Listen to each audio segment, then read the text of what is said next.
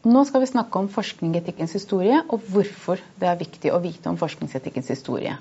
Anette, hvorfor er det viktig å vite om forskningsetikkens historie? Forskningsetikken er jo utviklet gjennom flere hundre år. Fra, helt fra moderne vitenskap begynte, for ca. Altså slutten av 1600-tallet. Da har man dette Royal Society i London. Var, var veldig viktig. På den tiden så var det kongemakt, det var opplyste enevelder. Eh, kirken hadde en viktig eh, Det var jo de som på en måte bestemte hva som var sant og ikke.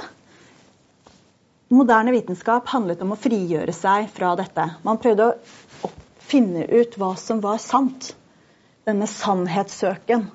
Det er en veldig viktig norm i forskningsetikken. Man skal søke sannhet. Man skal ikke la andre eh, forhold bestemme hva som er hva som gjelder. Ja. Men kudos, da? Man bruker det begrepet kudos. Hva, hva handler det om?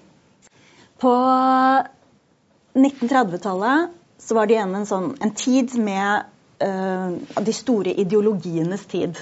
Ja. Og igjen så prøvde verden utenfor å påvirke hva som oppfattes som sant, usant, riktig, galt. De prøvde å trekke vitenskapen til sin fordel. Og vitenskapssosiologen Robert Merton han eh, nedfelte en del normer som samlet kalles for kudosnormene. Og den første er da dette med communalism. Eh, han kalte det communism. Han var også kommunist selv. Eh, men det var det at forskning, vitenskap, skal være tilgjengelig for alle, uavhengig av eh, kjønn, eh, økonomisk bakgrunn, land geografi, ikke sant? alt ja. dette. I tillegg så skulle da forskninga være universell. Den skulle være interesseløs. Du skal ikke påvirkes av egeninteresser eller økonomiske interesser.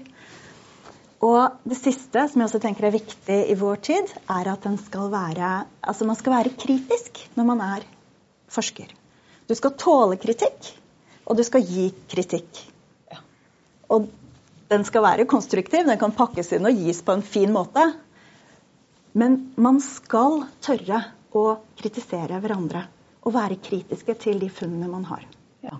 Så det er viktig at vi har et blikk på forskningsetikken histori forskningsetikkens historie da, når vi skal sette i gang med forskning.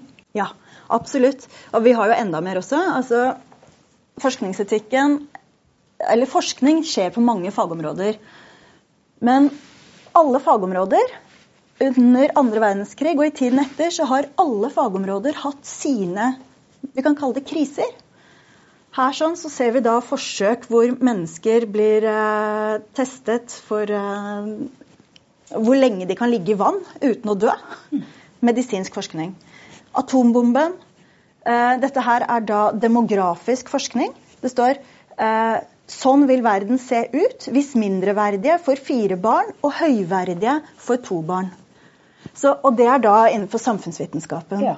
Så alle fagområder har hatt sine kriser, men der har man da utviklet forskningsetiske normer for å unngå at man faller i de samme fellene.